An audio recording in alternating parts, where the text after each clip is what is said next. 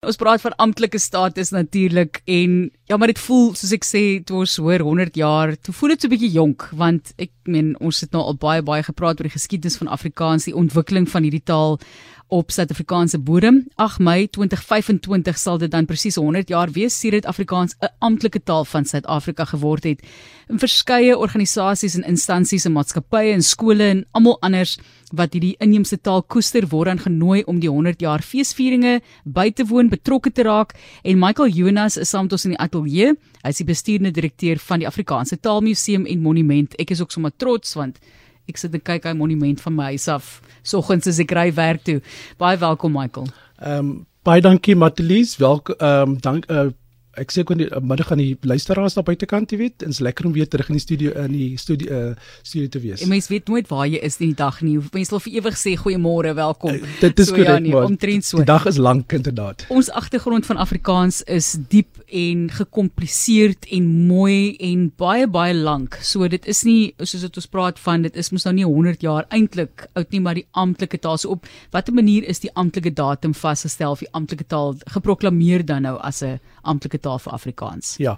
Maar least die uh, Afrikaanse wortels strek oor drie kontinente, naamlik af uh um Europa, die Ooste en in Afrika. En dit is basies deur kommunikasie en kontak uh het die het die taal ontstaan. En daar was 'n lang proses gewees. Die eerste gevorm uh, gevolg deur die eerste vorm van Arabiese Afrikaans, jy weet. Um spelreëls wat ontwikkel is, die eerste en die tweede taalbewegings en op 25 Mei 19 op 8 Mei 1925 het die destydse volksraad die wetgewing die, die amptelike wetgewing van tale wet nommer 8 van 1925 aanvaar.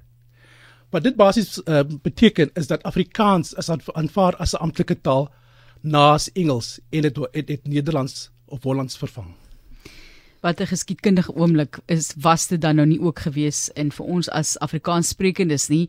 Julle gaan dit ook vier by die Afrikaanse Taalmuseum en Monument natuurlik sal julle daar vier. Dit is die Taalmonument en soos wat ek altyd sê, is dit die ene is dit nog steeds die enigste taalmonument in die wêreld? Nee, Martelies ehm uh, uh, daar die Taalmonumente kom in verskillende forme voor. Ja. Daar's verskeie virtuele uh, uh, monumente. Daar is taalmonumente wat ehm um, in Duitsland gevier word, daar's een in Afrika, in Tansanië, Goed. so reg reg oor die wêreld. Ons is nie die enigste een nie. Ek gedink ons, ons is nogal uniek. Nee, in, in, kyk in in, in Afrika is ons omtrent in twee, maar dan natuurlik jy weet die van in die res van die land is daar natuurlik verskillende verskeie forme van 'n denking van van die taal. Ja. En Janie Janie Rousseau is jy's besig om al die taalnaalde, die, die denktekens in die onderskeie klein dorpies op te teken en dit sal later in ehm um, uh 2025 sal dit in 'n boek verskyn as deel van die 50 jaar vieringe van die taal taalmuseum en monument. Dr. Tiens Elof, voorsitter van die Afrikaanse 100 oorsig komitee het gesê dat hulle lankal al toe die komitee saamgestel het, vroeg genoeg begin het om dit te kan vier en ordentlik te kan vier. So, hoe lank kom hierdie reëlings nou al aan? Kyk, uh, dit is Chris de Bruin van die Universiteit van Noordwes uh, uh, Noordwes het uh, eintlik die saadjie geplant. En ons natuurlik 2020 COVID-19 wat net die klein piep klein virus wat die hele wêreld op sy op, op sy kop gedraai het. En in 2021 het daar 'n kerngroep begin om samesprekings te voer van hoe kan ons 'n strategie uh, uitwerk om uh, die 100 bestaans uh, amptelike bestaanjaar van uh, Afrikaans te vier. En onder leiding van die Afrikaanse Taalmuseum Monument en die Afrikaanse Taalraad is daar 'n uh, met verskeie Afrikaanse organisasies ehm um, gekonsulteer. Daar's 'n oorsigkomitee aangestel, verskeie domeine aange, aangedui en werkskomitee. En as ek praat van domeine Martelies, uh, wil ons graag sien dat die bydraes van Afrikaans gevier word ehm um, in die in die kunste, in poesie, in drama, ehm um, akademiese navorsing skryf van woordeboek net om 'n paar te noem. Ja. So die werkskomitees onder leiding van die Afrikaanse Taalmuseum en Monument en die Afrikaanse Taalraad sal sal toesien dat die werkskomitees op hierdie terreine en gebiede waar Afrikaanse bydrae het, ehm um, feeste feeste organiseer. Maar die die rol van die die oorsigkomitee is ook natuurlik om 'n oorkoepelende ehm um, rol te speel en te sorg dat Afrikaans in alle diversiteit en gedagtes op 'n op 'n op 'n opbouende en 'n positiewe manier gevier word. Ons gesels oor die 100 jaar viering van Afrikaans as amptelike taal wat plaasvind 8 Mei 2025. Nou dit gaan nie net op daai dag gevier word natuurlik nie. Julle wil vir die volgende 2 jaar dit vier. Is die eers praat van op 'n akademiese vlak vier, maar dan nou lank vooruit met tesisse en al wat dit dinge geskryf word. Tesisse en, en temas vir daai tesisse gekies word, so vraagstukke wat gevra word oor die taal. Vertel vir ons van die hoogtepunte. Want ek weet daar's natuurlik baie wat gaan gebeur. Hoogtepunte wat vir jou regtig uitstaan met die viering vir die volgende paar jaar. Okay, goed. Uh, Martelis wat die by die komitee aanbetref, gaan ons nasionaal ehm um, die feesvier ehm um, en ons gaan konsentreer op twee geleenthede. Die een is die stuur van 'n feesboodskappe van reg oor amper sê die wêreld. Ehm um, of dit nou te, te voet gaan wees of dit gaan hardloop is wees fietsry, weet, of virtueel. Ehm um, en daai feesboodskappe moet die taalmonument op 8 Mei uh, 2025 bereik en dan sluit ons die die feesvieringe af op 8 Mei 2025 by die Taalmonument met die hoofvieringe.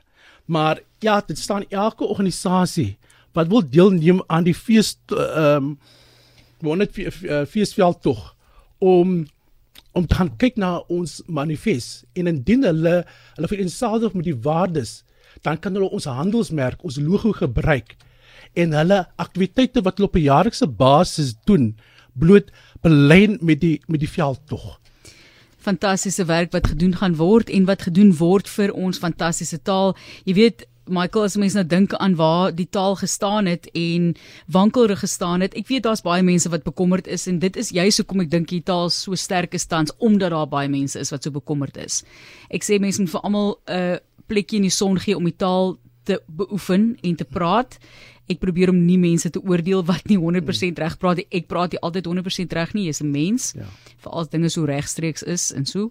Maar jy weet, en om te sê en so Byvoorbeeld is 'n hele hmm. ander manier van praat in Afrikaans. Dis 'n streeks uitspraak en so in plaas van en so. So daar is soveel diversiteit in die taal ook, maar daar was 'n tyd wat wat die taal regtig gesien was op 'n negatiewe manier en kon homself herposisioneer en ek voel eintlik is vandag baie sterk, maar daar's mense wat nie met my gaan saamstem nie. Jy kan maar sê wat jy dink daarvan stuur gerus. Natuurlik die feit dat 'n klomp kinders steeds daar nie kan lees in die graad R nie, maak 'n mens op bekommerd. Wat is jou siening van waar Afrikaans vandag staan? Uh Matlies, ehm um, op voetsoolvlak is Afrikaans uh sprekers toenemend om besig om die taal te eien.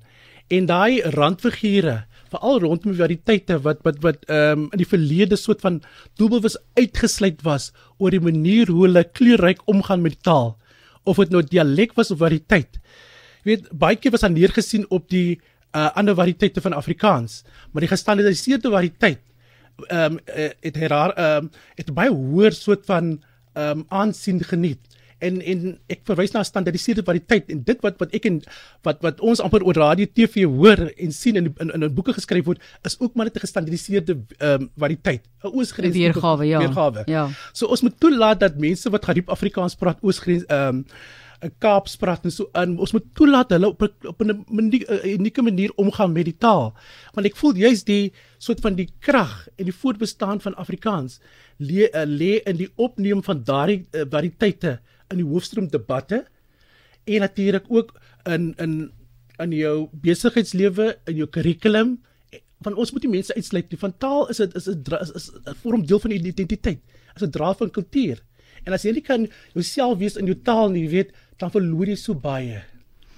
Dit is hier op RSG Michael Jonas wat ons begin inspireer en gees vang dan vir die 100ste viering van Afrikaans toe Afrikaans as amptelike taal bekragtig is en dit is die bestuurder direkteur van die Afrikaanse Taalmuseum en Monument.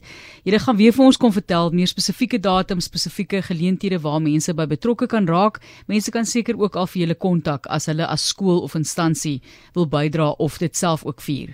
Ja definitief so enige een maatskappy, gemeenskappe, uh, skole, ehm um, individue is welkom om deel te wees van hierdie hierdie veld tog. Hulle kan ons kontak by info@afrikaans100.org en ons sal ehm um, binnekort 'n web uh, tuiste ehm um, bekendstel waar mense meer inligting kan verskaf ja.